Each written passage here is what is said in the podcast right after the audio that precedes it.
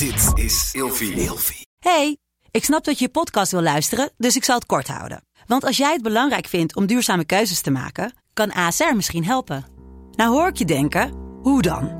Nou, bijvoorbeeld bij het duurzaam herstellen van schade. Of de premies die we beleggen volgens ons duurzaam beleggingsbeleid. Dat bepaalt waar we wel en juist niet in investeren. Wil je meer weten over welke duurzame keuzes ASR maakt? Ga dan naar asr.nl slash duurzame keuzes. ASR doet het. Zo, dan kan je nu lekker naar je podcast luisteren. Nou, ik, ik denk dat ik dan terugval op, uh, op mijn vader. Van ieder is de maker van zijn eigen leven. Ja. En die verantwoordelijkheid die ligt gewoon bij jou en bij niemand anders. En je kunt gaan huilen balken over wat er allemaal misgaat. Nou, in mijn leven gaat ook van alles mis, continu. Uh, maar dat is voor iedereen hetzelfde. Iedereen heeft. En het is ook hoe meer je doet, hoe meer je probeert, hoe, hoe meer er mislukt. Alleen dat, dat geeft helemaal niet. Uh, is juist goed als dingen mislukken. Zeker als het vroeg gebeurt. Dan realiseer je dat je niet alles kan. Dat je niet uh, een klein prinsje bent. Maar gewoon een, normale, een normaal mens. En, en, dat je er wat van kan maken. En ik, ik denk dat het goed is.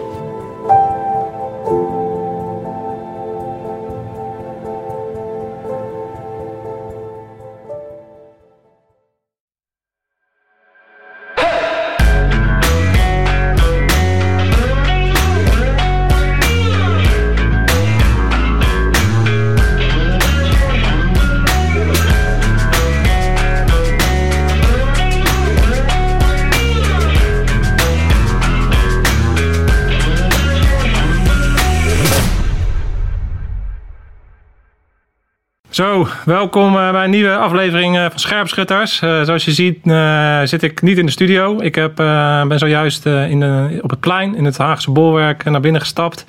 ben aangeschoven bij Wieben van Haga. super tof dat je, dat je me wilt ontvangen. Nou, leuk dat je er bent. Welkom bij Scherpschutters. Normaal hangen er allemaal wapens achter, achter mij in de studio. Dus het is iets minder intimiderend. Ehm ja, voordat, we, voordat ik start eh, met het interview, eh, wil ik nog eh, heel graag de kijkers even toespreken. Omdat ja, toch ook voor het eerst zonder Jeroen zit vandaag. Ehm, ja, door, door een aantal ontwikkelingen binnen de afgelopen maanden met de crisis heeft hij besloten om mee te stoppen. Dus ik ga alleen verder. Ehm, via deze weg wil ik ook Jeroen heel erg bedanken voor alle ja, mooie momenten en een mooie gast en de bijzondere dingen die we hebben gebracht eh, de afgelopen eh, twee jaar bijna. Um, daar ben ik heel erg dankbaar voor. En ik ga verder met, met onze missie om gaaf inspirerende content te brengen waarop wij allemaal kunnen leren. En ik ben ook. Ik vind het ook bijzonder om toch vandaag, ja, voor mijn gevoel, een bijzondere gast te kunnen starten met, met deze tweede fase van Scherpschutters. Dus iedereen onwijs bedankt voor alle mooie berichten en alle support de afgelopen periode.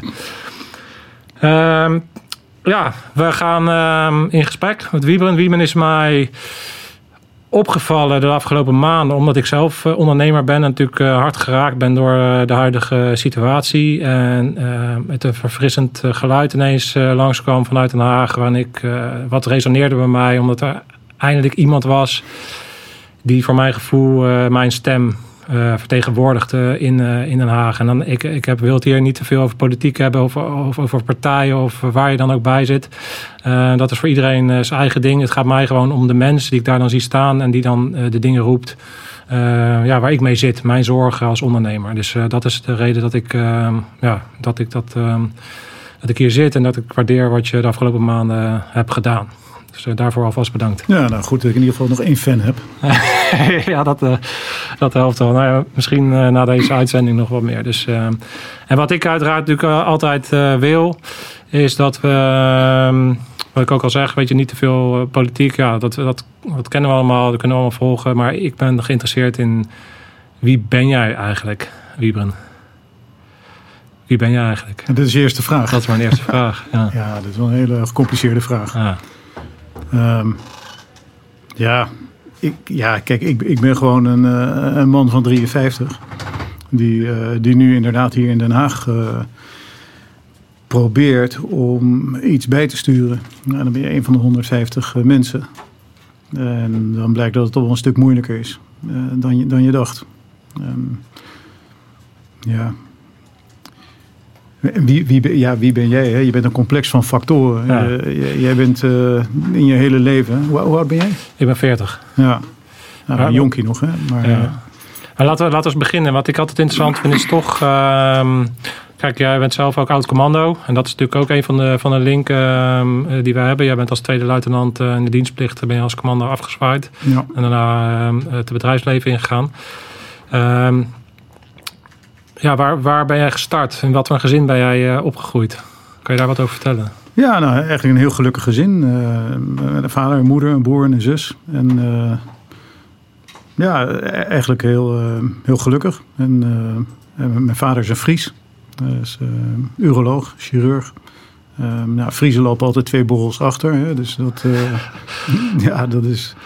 Ja, er was een gezonde gezonde zucht naar ambitie, zeg maar, binnen het gezin. Dus uh, als je iets doet, moet je het goed doen. Ja.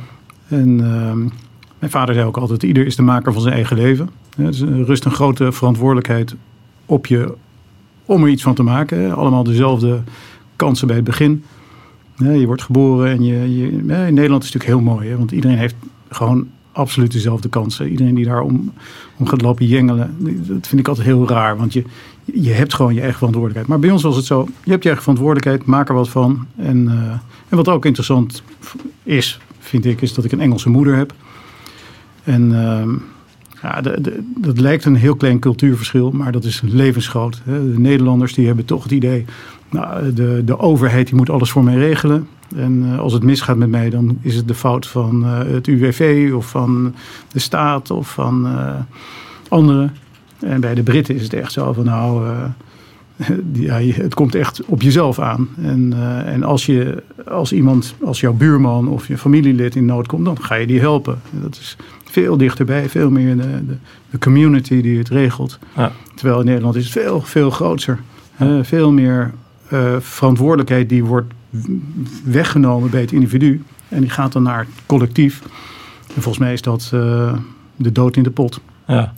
Ja, dus als ik dat een beetje vertaal, dan had je eigenlijk vanuit de gezinssituatie al best wel uh, behoorlijk uh, ownership, uh, eigenaarschap, dus, noemen wij dat natuurlijk. Dat is voor ons, dat is eigenlijk met de paplepel ingegoten. Dat kan ik me voorstellen. Dus eigen, eigenaarschap nemen voor je, voor je eigen daden en voor je eigen leven en, en verantwoordelijkheid dragen. Ja, absoluut. Kijk, vrijheid die, die moet 100% zijn, maar dat kan alleen maar als je 100% verantwoordelijkheid neemt. Ja. En mijn moeder die zei ook altijd van ja met die Nederlanders toch een beetje raar. Want die zijn, eh, heel snel zijn ze boos over hele kleine dingen. En dan wordt het echt oorlog. En dan gaan ze niet vechten. Terwijl de Britten, nou, er zijn hele kleine dingetjes. En dan hoor je ze niet over. Wordt niet over gesproken. Familieruzie, er gebeurt niks.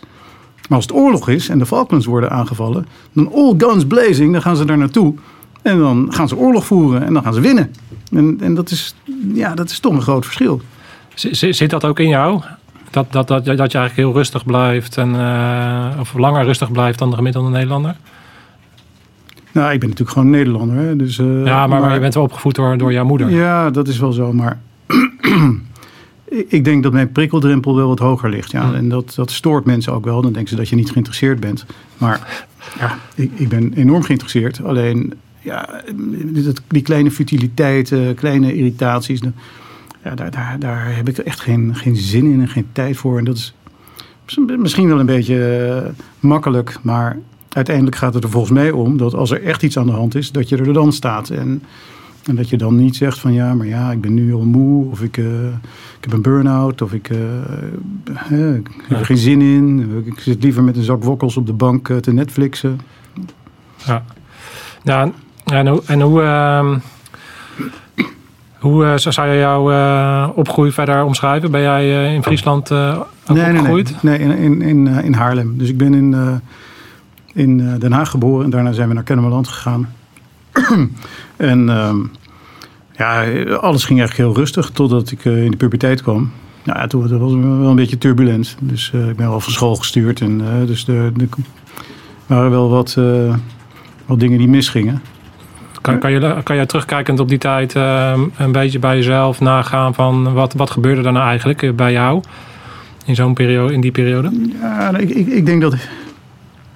Kijk, heel veel mensen komen natuurlijk vrij ongeschonden door een puberteit. Maar ik, ik zie, we hadden het er net al even over. Je, je ziet veel jongens die wat meer energie hebben en wat, wat, wat meer hormoonschommelingen hebben misschien. Dat die in hun puberteit gewoon de weg kwijtraken. En allerlei rare dingen gaan doen. En vroeger werd je gewoon door een aantal priesters werd je op je plaats gezet. Maar dat, dat is niet meer zo. Hè? Het is allemaal heel rustig en iedereen moet met elkaar gaan praten. Terwijl ik denk dat het voor mij op dat moment veel beter was geweest om gewoon in een heel strak regime te zitten. Maar dat zit je dan niet. Dus dan ga je allerlei rottigheid uithalen. En uiteindelijk werd ik van school gestuurd. En uiteindelijk was dat uh, voor mij hartstikke goed. Want dat was toch een soort reset. Joh, eh, als jij zo doorgaat, dan vinden we je niet leuk. En dan, uh, je ziet dat door mijn hele leven heen, is dat, ja, is dat toch een terugkerend thema. Ja. En hoe, en hoe, en hoe heeft jouw vader in die tijd uh, bijvoorbeeld, uh, want je kan vader, jouw vader chirurg en die zit natuurlijk ook best wel, uh, denk ik, op, nou, je wordt niet zomaar chirurg, laat ik het zo zeggen. Hoe, hoe, wat voor man is jouw vader als jij uit de bocht vliegt? Hoe, hoe, hoe handelt hij? Ja, toen ik van school gestuurd was, heeft hij zich eigenlijk er niet mee bemoeid. Hij is eigenlijk al nooit met mijn school bemoeid. Maar ja, dat vind ik ook eigenlijk niet zo'n zo'n ramp. De verantwoordelijkheid ligt bij jezelf. Ja. Um, ja, kijk, hij is, hij is wel een hele ambitieuze man. Hè. Hij schaatst zelf stedentochten. Ik geloof dat hij er 25 heeft geschaatst, ook in, uh, in de Wijzenzee en zo. Hij is, hij is ook uh, als arts uh, naar Nieuw-Guinea geweest en, en, naar de Congo. daar heeft hij mijn moeder ontmoet. Dus als, als blauwhelm. Ehm, dus ja, dat, kijk, dat, dat creëert een ander soort mens. Ja. Een ander soort man. En jij, jij bent zelf ook veteraan. als je ja, als je een militaire achtergrond hebt en je bent ambitieus, dan, ja, dan, dan laat dat zijn sporen achter. Ja. En als je dan in de gewone samenleving, uh, als er dan van je verwacht wordt dat je heel zacht en heel feminien gaat doen, ja, dan, dan, dan past dat vaak niet meer. En ik denk dat er. Uh, ik denk dat er ook ruimte moet zijn voor masculiniteit. En, uh, mijn vader is een absolute man. Ja. Nou, aardige rouwdouwer. Uh, ja, nou, dat niet. Gewoon een intellectuele man, maar, okay. uh, maar niet feminien. Nee. En ja, ik, ik, ik denk dat in onze samenleving daar wel eens wat weinig ruimte voor is. Ja. ja en, en, en hoe, hoe uh, ben je dan uiteindelijk... jij moest de dienstplicht doen. En hoe, hoe is het ontstaan dat jij naar het KCT, het Korps Commandantroepen, bent gegaan? Want jouw vader had dus ook al een militaire achtergrond, eh, begrijp ik. Ja, was een ja. militair arts. Dus ja. uh, major en toen naar uh, Nieuw-Guinea en toen naar de Congo. Oh, ja. En. Dus het zat wel een beetje in de... In de... Ja, ja, zeker wel. Zeker vanuit de, de Engelse kant natuurlijk ook. Hè. Mijn, mijn Engelse opa, die, die was ja, arts, arts in de oorlog. Hè. Uiteindelijk is hij huisarts geworden, maar... Hij was dus arts uh, op een marineschip. En dat werd op een gegeven moment ook getorpedeerd. En uh, was hij een van de weinige overlevenden. Dus er kon eigenlijk nooit over gesproken worden. Uh, want dat was toch echt zwaar traumatisch voor die, voor die man. Ja. Um, heb, heb je dat ervaren? Heb je, hoe nou, nee, nee, natuurlijk, ik was heel jong. Maar het was wel zo dat Stille Nacht, Heilige Nacht werd gespeeld toen ze gebombardeerd werden. Of toen ze getorpedeerd werden. En toen hebben ze hem uit zee opgepikt blijkbaar. Um, dus dat nummer, dat, dat liedje kon niet gespeeld worden. Dan moest dat meteen uit. En uh, dus de, ja, de, die hele oorlog was wel een beetje een soort uh, traumatische toestand. Maar uh, ja, dus er zat wel een bepaalde militaire lijn in de, in de familie. Ja, ja en, en, ik had meer zoiets als ik dan in dienst moet. en iedereen moest in dienst. Al was dat niet zo, hè, maar 10% van de mannen ging in dienst. Van de jongens ging in dienst toen ik in 91. 91 11 kwam ik in Ermelo en 92 1 in, uh, in Roosendaal. Ja. Maar 10% van de mannen ging toen nog in dienst. Maar ik had wel het gevoel, je, je, je moet, hè, dat is je plicht voor je land. En, uh, en als ik het dan ga doen, dan wil ik iets goeds doen. Dus nou, dan word je of commando of marinier. Ja. En uh, ja, uiteindelijk heb ik voor de commando's gekozen, omdat ik dacht dat het een, ja, dat dat een soort eenzame missie zou zijn. Hè? Dat je echt in je eentje dingen zou doen. Uh, volkomen verkeerd beeld natuurlijk. Ja, Want ja, ik, ik schrok me rot toen bleek dat je daar gewoon alles samen moest doen. En, uh, en dat was ook wel zwaar op een bepaalde manier. Ja. Nou, ik heb, wat ik ook wel, uh, toen ik die video's van jou zag en ik die eindeloze drive om elke keer weer die vragen te stellen in, in de huidige situatie in, waar je nu zit toen kwam bij mij ook wel een beetje dat beeld op van... ja, dat is echt zo'n zo'n eenzame commando die een oorlog aan het voeren is in zo'n grote Tweede Kamer. Ja, nou hier ben ik misschien wel eenzaam, maar bij, bij het KCT was ik dat absoluut niet. Nee, nee. daar, je begint daar gewoon met een peloton en... Ja, ik kwam daar ook wel. Ik, ik, ik, ik was afgestudeerd in Delft, elektrotroniek. En ik kwam daar echt als een behoorlijk arrogante student en uh, sportief. Nou, maar ja, iedereen was daar wel sportief en iedereen uh, was daar goed in van alles. En ja, ik denk dat het belangrijkste wat, wat ze me daar hebben gegeven was dat ik mijn arrogantie uh, compleet ben kwijtgeraakt. Ik heb, nou, er is gewoon geen ruimte voor verhevenheid of. Nou, dat wordt wel uitgeramd als je. ja, ja, iedereen krijgt natuurlijk zijn eigen commandoopleiding. En bij mij was dat niet zozeer fysiek, maar wel ja, dat hele, die hele groepsdynamiek. Hè, van, en natuurlijk, ik, ik, was de enige officier. Dus uh, dan, dan laten ze ook die groep jou echt haten. Hè. Het zijn natuurlijk hele simpele spelletjes die ze daarvoor doen. Maar uh, als ik wat verkeerd doe, dan krijgt de rest geen eten. Of de rest moet meer opdrukken. Of het, het, gaat maar door. Ja. Ehm, tot ze op een gegeven moment ook wel medelijden met me kregen, hè, die jongens.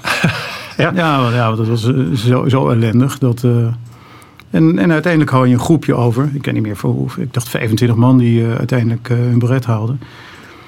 Maar uh, ja, dat groepje dat dan overblijft, dat, dat, dat, ja, dat, dat heeft wel een goede band. Dat houdt echt van elkaar en dat gaat voor elkaar door het vuur. En dat, dat is, uh, ja. dat is wel heel bijzonder. Ja, dus ehm, tijdens dat verhaal was het niet altijd leuk. Heb je, heb, heb je wel eens het gevoel gehad van ik kap ermee? Of dat je echt dacht, nou dit gaat echt te ver? Of, ik heb wel vaak gedacht, dit gaat echt te ver. Maar uh, ik heb nooit gedacht, ik ga hiermee stoppen. Want denk dat die 25 man die overbleven allemaal misschien een bepaalde persoonlijkheidsdeficiëntie hebben. En dat is dat ze moeilijk ergens mee kunnen stoppen. Ja, allemaal doorzetters. Dus, en later hebben ook... Uh, ja, je had toen een kapitein en een major. Uh, kapitein De Waard en uh, major Timmermans. Die hebben ook wel eens tegen mij gezegd... ja, soms is het ook wel krachtiger om ergens mee te kunnen stoppen. En dat, dat gaat voor heel veel commando's, lukt dat denk ik niet. Nee. Nee. nee, dat is iets wat uh, indruis tegen. Ik, ik, kan me nog herinneren dat ik de bergtraining in Schotland uh, deed. En dat een van die regels, een van de basisregels daar is durf terug, terug te keren. Want uh, je, je, moet op een bepaald moment keuzes maken. En dan als je doordrukt in de bergen, ja. dan kan het natuurlijk fataal zijn. Absoluut.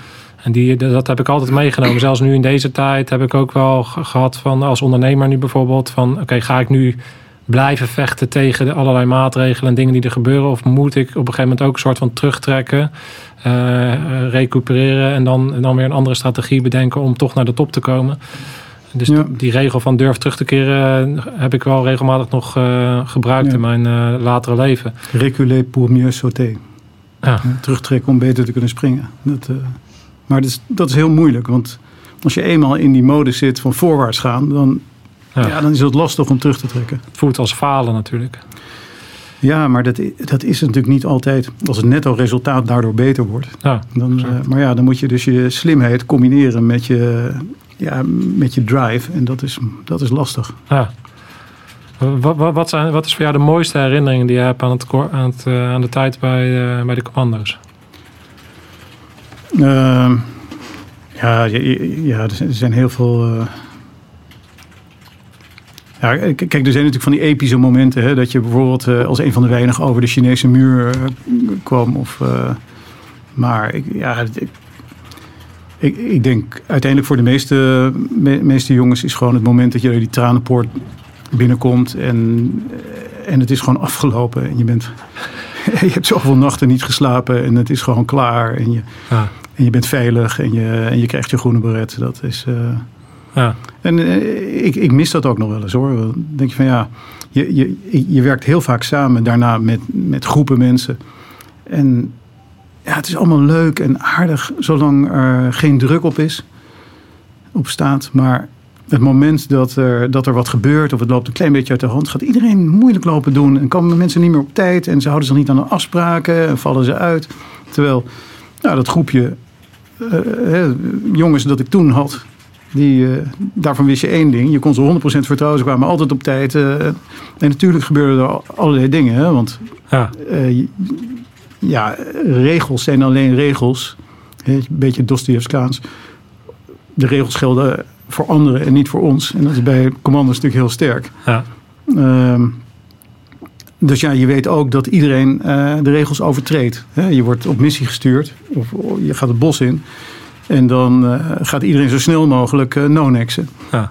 dus ja, want het, ja. als dat het netto resultaat verhoogt, dan gebeurt het ook. Dus je weet, iedereen belazert de kluit. Maar als het erop aankomt, dan, ja, dan staat iedereen daar. En dan is het gewoon 100% goed. En dan is alleen het beste goed genoeg. En dat, dat is mooi. Ja. En dat, dat mis ik wel een beetje in de, in de, in de burgermaatschappij. Ja. Daar, daar, daar, daar, wordt alles getolereerd. Alles is goed genoeg. En van, ja, kom op. Hè. Je, mag, er mag ook wel eens wat, van mensen gevraagd worden. Uh, je hoeft niet uh, op de bank te blijven zitten. Ja, dat is mooi hoe je dat omschrijft. Wij noemen dat altijd rupsen. Rupsen? Rupsen, ja.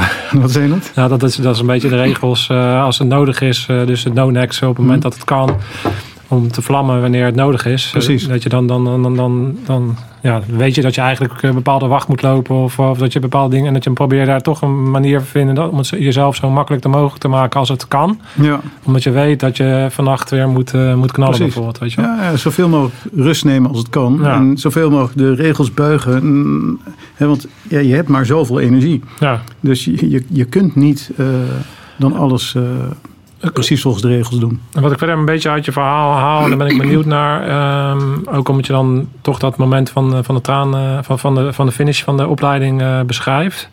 Dan kan ik daaruit concluderen dat je, dat je wel enigszins um, resultaatgericht bent. Ja, tuurlijk. Ja. Meer, is zou je jezelf meer resultaten dan mensgericht uh, noemen? Uh, nou, meer resultaat dan procesgericht. Okay. Het proces interesseert me echt helemaal niks. En Oh. dat, is, dat is wel grappig. Hier in Den Haag zijn heel veel mensen ontzettend bezig met het proces. Ik vind het heerlijk om allerlei protocollen en reglementen door te nemen. En kleine uitzonderingen. Ja, dat, daar, daar kan je me echt niet van voor wakker maken. Ik vind het vreselijk. Ja. Maar het resultaat, dat, dat wil ik wel. 100% zo snel mogelijk. Maar dat uh, wil niet zeggen dat ik niet geïnteresseerd ben in de mens. Nee.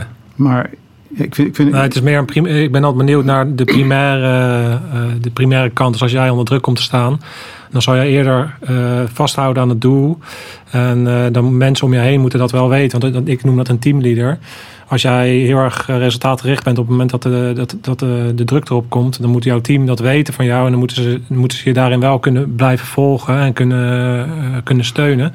En, ja. en dan weten ze ook van nou, op dit moment moeten er gewoon even de dingen, moeten we naar je luisteren. Eigenlijk moeten we de dingen gaan doen die er moeten, gebeurt, moeten gebeuren. En daarna, in, gewoon in een normale setting, ben je natuurlijk gewoon heel sociaal en, uh, en mensgericht. Maar dat, dat is. Dat is... Nee, daar heb je wel gelijk. En op, op zo'n moment, als ik, een, als ik een doel wil halen, dan, ja, dan maak je wel eens slachtoffers. Uh, omdat je dan wat minder rekening houdt met de gevoelens van mensen om je heen. Ja, ja. Uh, denk ik ook, daar, dat kunnen we dan morgen wel weer bespreken. Maar ja. dat hoeft niet nu, want nu hebben we andere dingen te doen. Nu komen dus uh, nu eventjes meewerken. Nu, komen, nu worden we beschoten, nu moeten we handelen. Ja, zoals uh, Patton zei dat volgens mij. Um, follow or get out of the way. Ja. En ja, ja ik, nogmaals, ik, ik, denk dat er echt veel te veel ge, ge, geouweneeld wordt op het moment dat het toe doet. Ja. En, ja, daarom ben ik misschien ook wel een hele slechte politicus.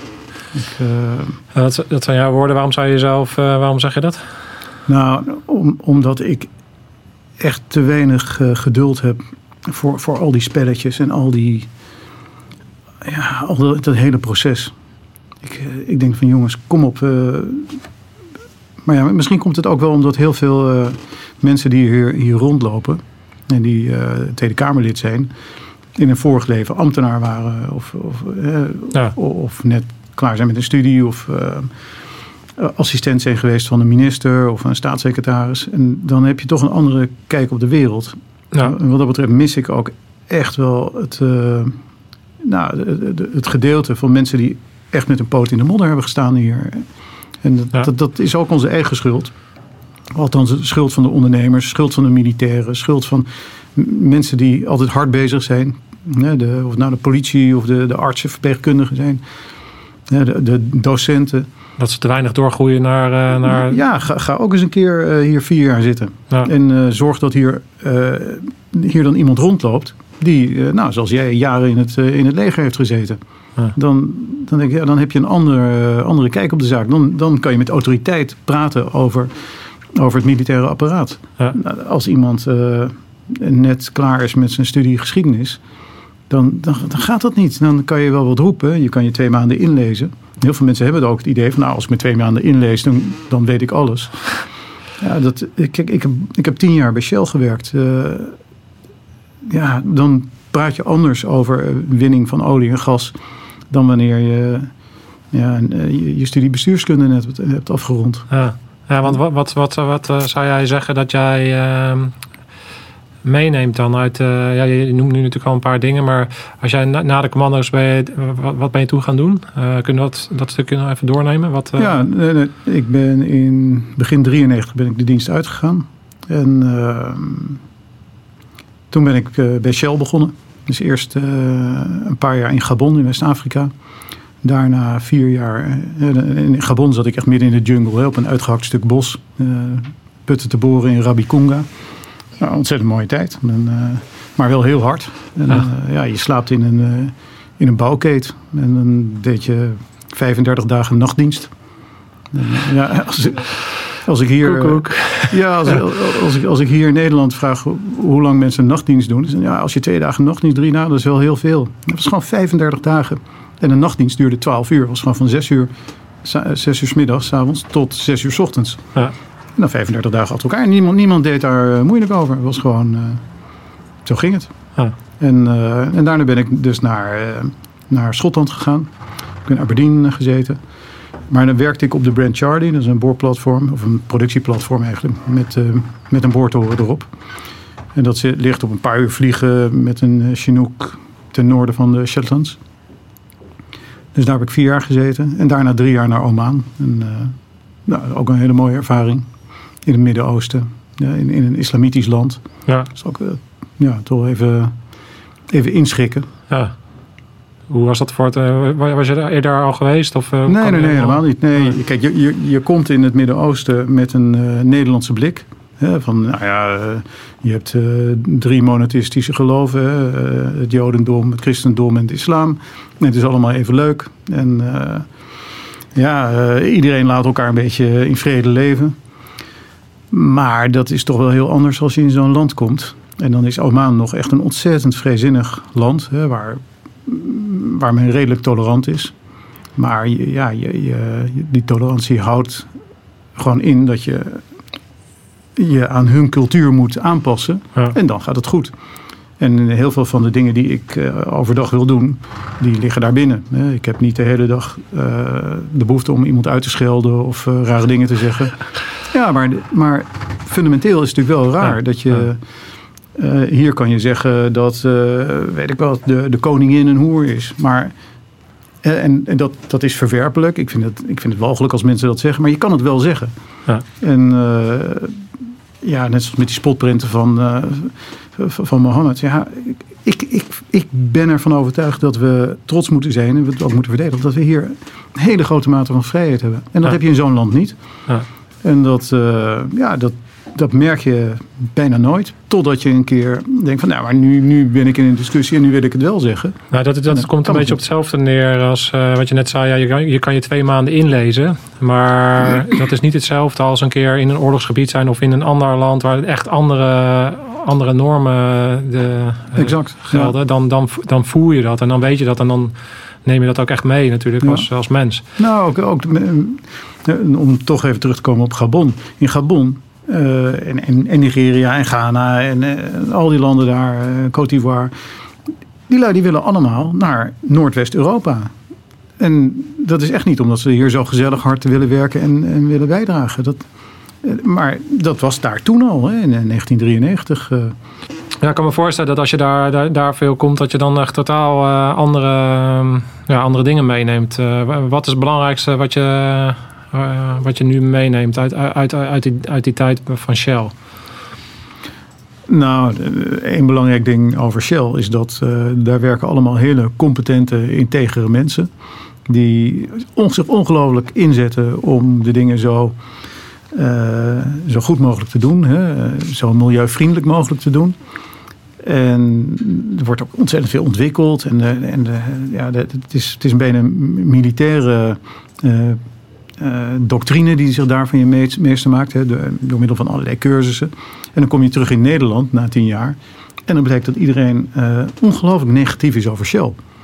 En dan, en dan vraag, vraag ik me echt af, hoe is het mogelijk dat er zo'n mooi bedrijf is? Hè? We hebben natuurlijk allerlei mooie multinationals, maar dat er in Nederland een soort afkeer is ontstaan van, van dit soort bedrijven. Shell, Unilever, Philips, Heineken. Dit soort bedrijven worden, worden in, eh, in het buitenland echt onthaald. Als, als Shell een concessie krijgt in een Afrikaans land, dan weten ze dat gaat goed. Er, wordt goed met het milieu omgegaan. Er komen scholen, wegen, alles wordt verzorgd. omdat Shell een groep mensen is die gewoon goed probeert te doen.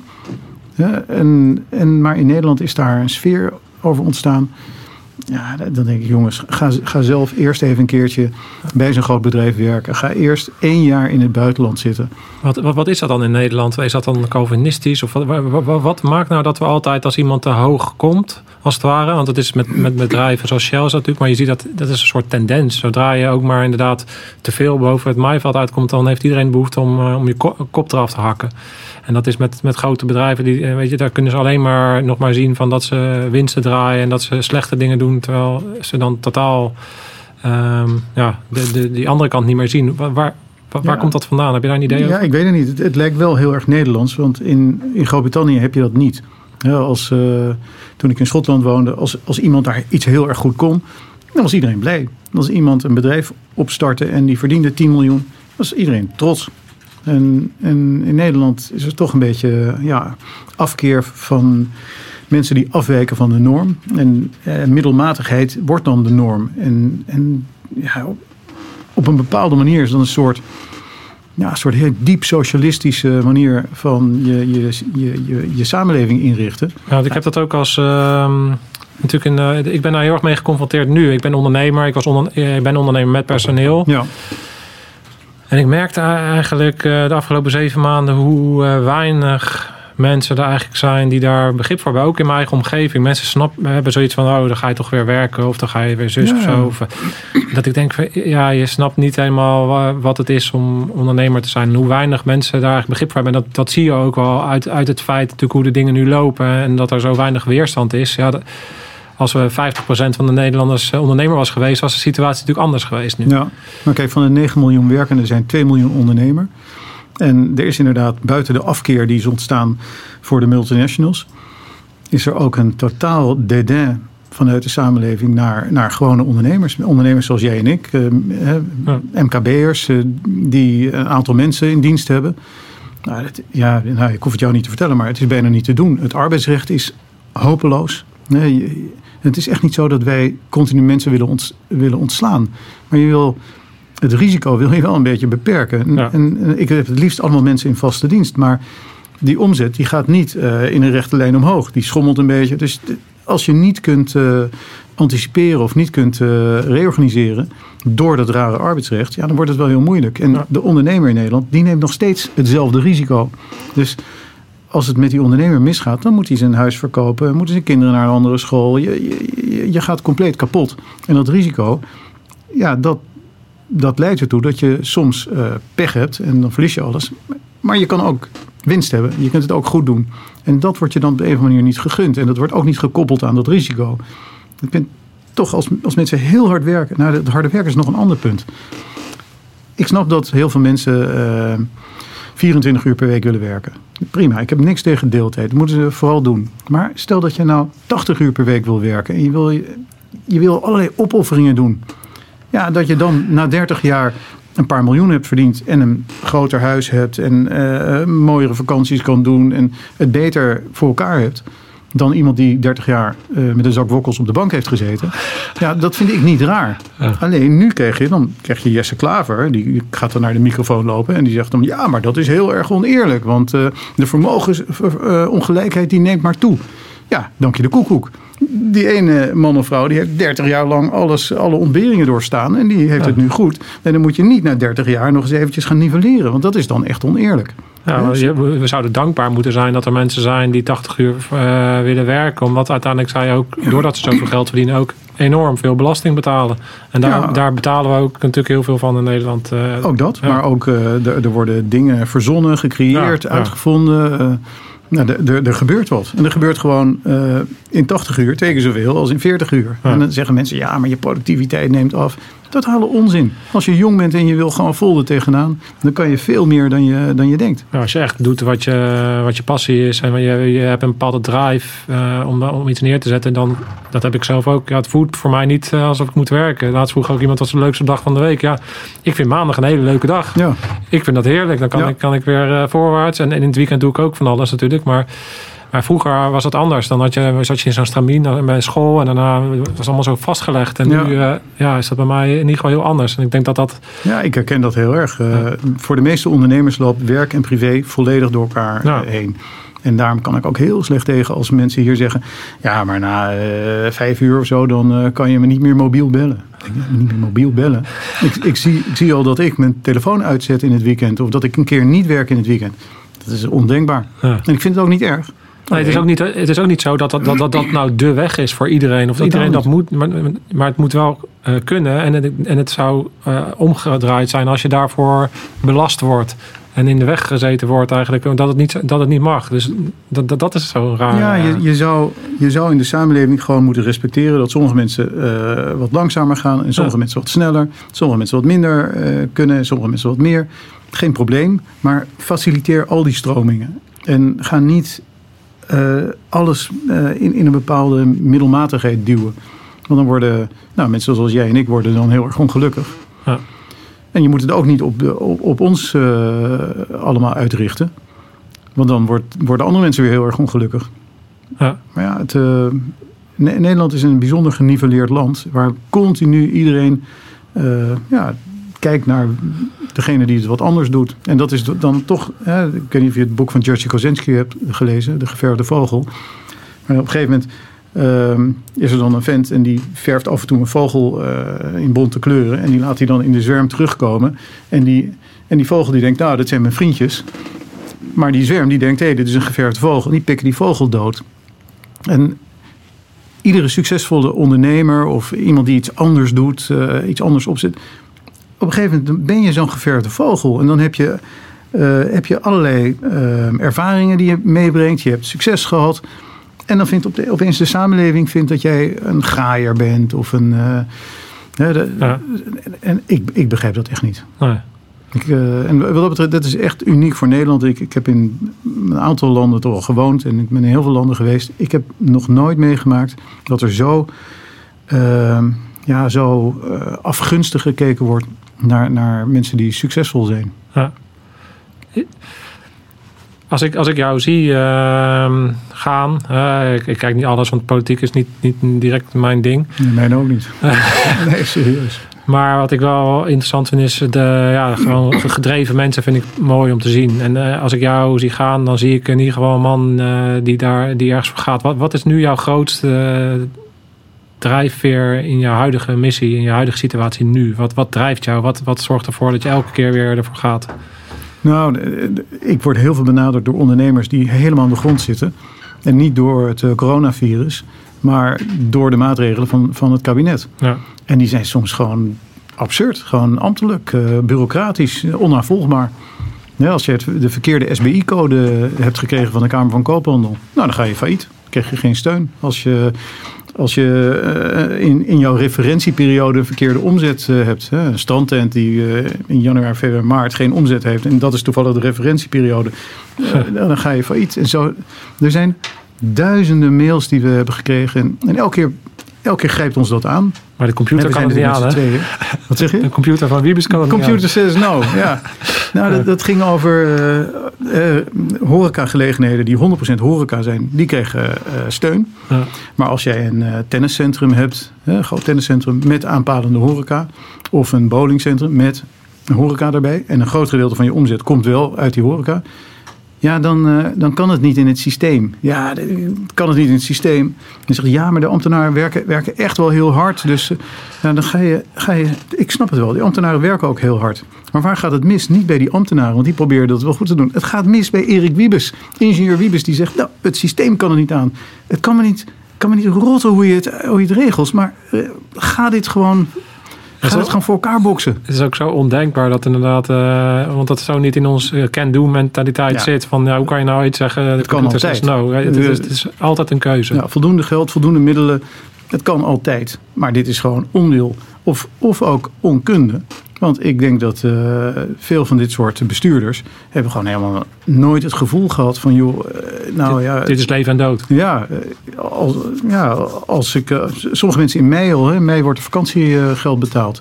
Nou, een hoop ondernemers, ja, met, met een krappe cashflow, dan moet je toch even alle tandjes bijzetten. Ja. En dat gevoel, dat hebben de meeste politici en de meeste bestuurders totaal niet. En dat merk je nu ook in, het, in die coronasteunmaatregelen.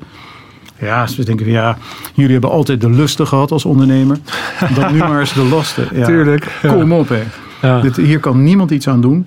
Um, en, en de, de verhalen zijn echt tragisch. Ja. En, en dat, dat geeft me wel een hoop energie om uh, nou, voor dat soort partijen op te komen.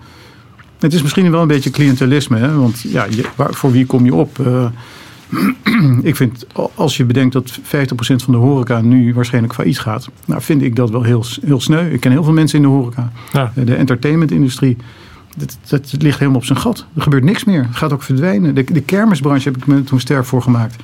Ja, die kermisexploitanten zijn echt een beetje de vrije jongens. Hè? Ja. Die nemen een enorme lening, kopen een enorm apparaat. Hè, want het toestel kan, in de miljoenen lopen. En dan, uh, en dan mag je nu opeens een jaar niks meer doen. Ja, dan ben je dus kapot. En dan gaat jouw, jouw attractie, die gaat gewoon als schroot naar de, naar de schroothoop voor niks. En dan blijf je zitten met een restschuld van een paar miljoen. En die kermissen zijn dan voor altijd weg. En kijk, ik, ik ben ook niet iemand die uh, twee weken op de kermis rondhangt. Hè. Nou, ik, vind, ik, vind het leuk om, ja, ik vind het leuk om een keer naartoe te gaan, een beetje te schieten en zo. En ja. botsautootjes. Vind ik echt leuk. Maar maar dat de kermis helemaal verdwijnt uit Nederland. doordat wij zulke absurde maatregelen hier nemen. die, die helemaal niet hoeven. die niks met het virus te maken hebben. Nou, dat vind ik vervelend. En dan, ja, dan ga ik wel daarvoor vechten. Ja, ja. ja dat wordt uh, in ieder geval uh, gewaardeerd. Dat uh, krijg ik geval van alle ondernemers. Uh, zie je, om me heen zie ik dat dat, uh, dat, dat speelt. En dat, nogmaals, dat is even los van politieke kleuren. En iedereen moet zijn eigen ding doen, maar het, op de mens. Ja, maar veel van die dingen hebben ook niks met politieke kleur te maken. Nee, dat heeft gewoon te maken ja. met, met, met dat, dat, dat je natuurlijk afhankelijk bent van dat iemand je stem ehm, verwoordt. En ja, dat, dat maar iemand... ik hoop ook dat uh, kijk, 17 maart zijn natuurlijk verkiezingen. Ja. En ik hoop dat al die ondernemers die nu getroffen worden door de totale stupiditeit van die maatregelen, dat die nu denken van nou, ik heb blijkbaar gedacht uh, dat wordt wel goed voor me geregeld als ik op een van die grote partijen uh, stem. Ja. Maar dat is dus niet zo. Dus ik hoop dat heel veel van die lui gewoon die zeggen nou, ik, ga, ik ga me daarmee bemoeien. Ik ga zelf ook of een partij oprichten of ik sluit me aan bij een partij en ik ga op een lijst staan. En we gaan gewoon in Den Haag ook de stem van de ondernemer laten horen. Ja. Ja. En dat is, dat is nu gewoon helemaal weg. Er zit nauwelijks een ondernemer in, uh, in de Kamer. Ja. Nou, is dat uh, dus ondernemers? Rammen met je kadaver. Ja. Aanmelden in Den Haag. met je kadaver. Dat heb ik een tijd niet meer gehoord. ja, dat ons... Dekken. en dan lig je weer in de voorlichtsteun. Uh. Ja, ja ja, dat is ons uh, motto. Uh, met je kadaver. We, uh, we ook allemaal van die t-shirts. Uh, okay. Iedereen in de sportschool staat oh, met zo'n t-shirts. ik wil zo'n t-shirt. Ik ga hem naar je opsturen. En, maar is dat echt het, het motto van... Het motto van uh, Scherpschuit is Rammen met je kadaver. Ja. Oké, okay. ja, nou, die heb ik sinds 1993 niet meer gehoord. ja. Sergeant-major Verheij. Oh, ja, dat vergeet je nooit meer. Nee. Dat zijn van die dingen. Ik weet ook nog precies wie mijn baksmeester was. Ja. ja. Nou, mooi, uh, mooi hè? Ja, Wie ben jij? uh, Aga. Hoe zie je? Ja. Je weet allemaal hoe het gaat. Ja, volgens mij had ik een andere bijnaam, maar ik weet het niet meer. ja, ik was pompstok. Ja? Pompstok, omdat ik lang en dun was. Ik, ja, ja, jij bent natuurlijk heel lang. Ja, ik, ik was natuurlijk altijd een kabouter en dan ging ze ook op een gegeven moment dwergwerpen met mij. Nou, moest ik een eigen dwergentokkeltje knopen. En toen gingen we op een gegeven moment dwerg werpen. Nou, dat was op zich wel grappig. Ja, ja. ja nu kan je dan lachen. Ja. Nou ja, toen nee, ook. toen wel. ook. ja. dat, zijn wel mooi, dat zijn ook dingen die kan je alleen maar snappen als je in, in, in dienst hebt gezeten. Ook, eh, dat we, ook, we moesten op een gegeven moment ook zo'n soundmix show voor het kader eh, doen. En dan moesten we, eh, ja, dan ga je ze ook omkleden. En, is het een beetje studentenkoos ding, maar dan wat harder, denk ik. Ja. wat groffer. Ja, dat is een mooie. Ja. Nee, maar er zit heel veel lol in zo'n opleiding Ja, natuurlijk. Hè? ja, echt humor. Dat is natuurlijk bij de commando's helemaal als eh, cheerfulness in the face of adversity. Dat is het. Hè? Ja. En bij ons stond altijd boven: eh, eh, We're always in the shit, only the depth varies. Ja. ja, dat, dat, dat is het. Je zit, Ja. altijd, je zit toch in de shit, dus dan kan je net zo goed om lachen. Ja, En, nee, som- eh, soms dan heb je echt, dan denk je echt veel erger kan het niet worden. En wat gebeurt er? Het, het wordt gaat gewoon nog over, erger. eh, weet je, ja. En dan, eh, en dan komt die uh, sergeant-major die komt dan weer aan. Zegt, ja, soms zit het een beetje tegen. Of soms zit het mee, soms zit het tegen. Zo- Zo'n soort verhaal. De, de slap eh, one-liner en dan, ja, en dan, je, ja, relativeert relativeert weer. Maar wel lachen dan dat je... Ja. Of dat je, ja, dat je denkt dat je eten gaat krijgen, zodat je dat kamp in marcheert. En, eh, en dat iedereen denkt, hè, dan ben je al heel lang bezig. Dan denk ik van, nou, nu, nu de, de geurende gamelle soep die staan eh, te wachten. Ah, en dat je gewoon dwars door het kamp heen marcheert en weer eruit. Ja. Ja, ja, dat is ik, een psychologische rondje. ja, ik vond het toch wel lachen. Dat, Ja. eh, dat, doen ze allemaal wel goed. Ja. Ja, dat is toch even dat, eh, wij noemen dat dat pin verwijderen. Knak. Weet je, Ja. dus even je, de pin eruit en dan eh, dat knakmomentje dat je dan, eh, ja, en dan weer, en, en weer door. Ja, Ja. Nou, dat zijn wel waardevolle dingen. ja heel mooi. Ja. Ik heb dat nu, ik word natuurlijk toch ook de afgelopen periode hard ehm, ehm, aangewezen op eh, dingen die ik heb geleerd uit die tijd. En ehm, ja, ik merk toch wel dat het, dat het wel een basis is waar je elke keer op terug kan grijpen. Elke keer weer van, eh, ja, weer mezelf oprapen en weer opstaan en weer gaan. En ja, dat is wel eh, mooi Ja. en waardevol. Ja, het blijft altijd bij. En, eh, het is op een bepaalde manier ook jammer dat die hele diensttijd is, eh, is afgeschaft. Want het is natuurlijk niet alleen als je commando of marinier bent dat het iets bijdraagt. Eh, Eigenlijk iedereen die ik tegenkom die toen in dienst heeft gezeten.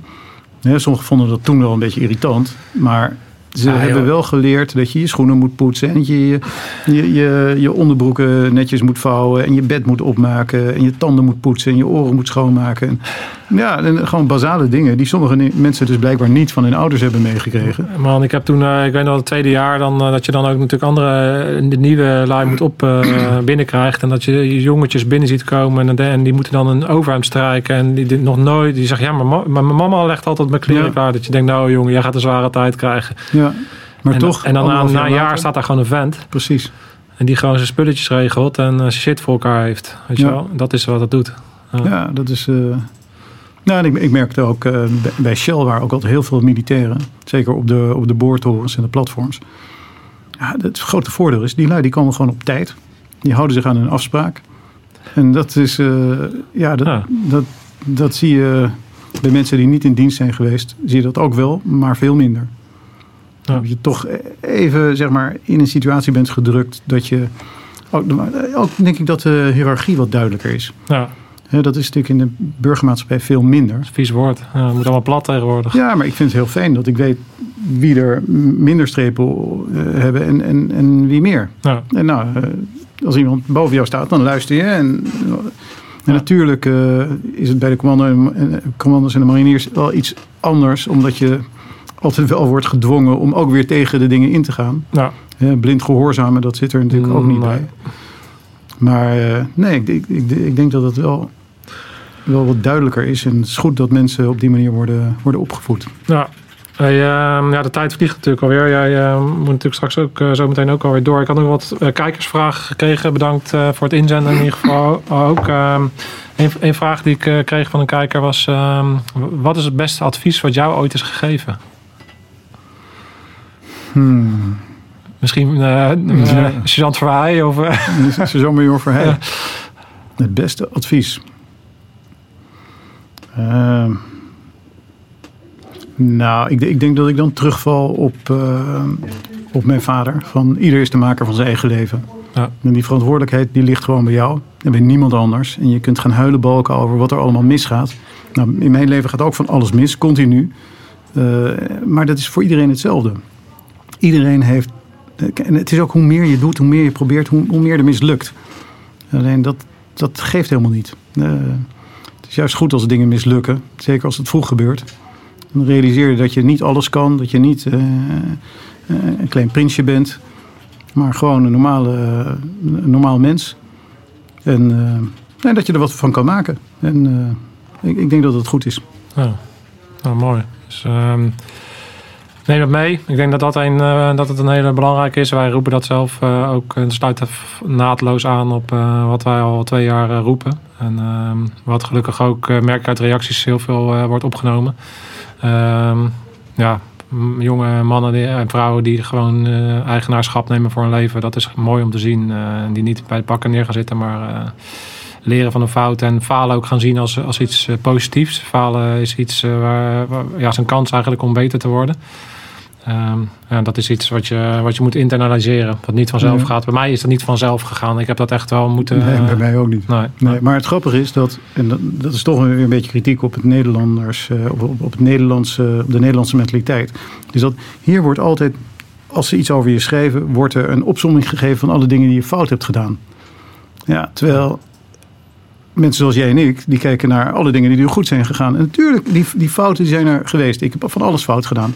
Maar daar heb ik van geleerd. Dat heeft me sterker gemaakt. En ik, ik, ben ook heel blij om vaak dat het is gebeurd. Ik ben dolgelukkig dat ik van school ben gestuurd. Toen kwam ik op een andere school. Ik had een enorme tik gekregen. Nou, en, en toen ben ik pas echt gaan, gaan werken. Ja. Ik vind het ook ik vind het verfrissend dat, dat er iemand in Den Haag staat die weet dat hij fout heeft gemaakt en dat hij eh, uit de bocht is gevlogen eh, als, als jong pikkie en dat en, en, la, en zoveel fout heeft gemaakt, maar daar gewoon voor staat. En zegt dat dat, dat hem vormt als, als mens en dat hij daardoor ook weet hoe de wereld in elkaar zit. Dat vind ik. Ja. Nee, dat, je, moet ook, je moet ook niet bang zijn om fouten te maken. Voornamelijk hier in Den Haag is iedereen als de dood dat er iets verkeerds in de pers komt of dat je een keer iets verkeerds zegt. Of, eh, en zeker in die grote partijen wordt het echt eh, op een soort Noord-Koreaanse manier wordt dat erin gehamerd. Ik denk dat het hartstikke goed is om, uh, om fouten te maken. Het is ook helemaal niet erg. Ja. Nee, ja, je, je, je, je moet het natuurlijk wel kunnen verklaren. En je moet het kunnen repareren. En je moet daar iets mee doen. Ja. Maar als je nooit een fout maakt, ja, jezus, dan doe je ook echt helemaal niks. ja. Nee. Nee, ik denk uh, inmiddels uh, de laatste vraag. ik kijk alvast even naast me. Uh, nou, ja, laatste vraag. Wat, ehm, ja, dat je ambitieus bent is duidelijk. Uh, als we kijken naar jouw levenspad. Wat zijn jouw ambities, jouw dromen voor de komende periode? Nou ja, ik sta nu nummer 8 op de, op de lijst bij Forum voor Democratie. Dus ik wil graag nog een periode door. Ehm, ja, ik, heb een enorme bucketlist. Ik zou nog eens een keer een boek willen schrijven en nog willen promoveren. Ehm, ja, als, als ondernemer heb je altijd uh, nieuwe, nieuwe dromen die je wil gaan verwezenlijken. Maar voorlopig heb ik hier nu al eventjes wat, uh, wat kluiven gevonden waar ik in moet bijten. En, ja, en ik, ik hoop echt dat er volgende keer een grotere fractie staat uh, bij Forum. En ik hoop ook dat er gewoon bij alle partijen meer ondernemers in de, in de fractie zitten. Zodat je een beetje meer het geluid kreeg dat, dat er gewoon normale mensen in Nederland uh, heel hard aan het werk zijn, die hier, hier ook vertegenwoordigd moeten worden. Ja. Mooi.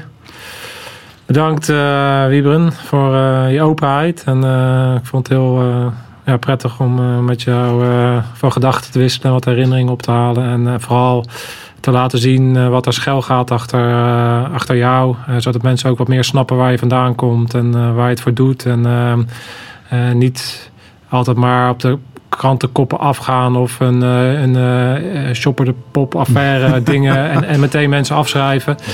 Um, maar probeer je te verdiepen in, um, in een mens en, uh, en, en wat, wat er achter schuil gaat en wat de drijfveer is. En, en kijk dan of, of dat iets is wat, wat bij jou resoneert. Ik denk dat dat een belangrijke boodschap is uh, om niet te snel te oordelen. Ik denk dat we in een tijd zitten waarin het gaat om uh, weer te verbinden en niet te verdelen.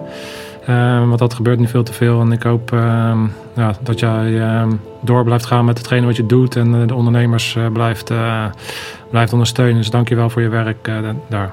Dankjewel. Alright, top. Ja, jongens, scherpschutters, uit.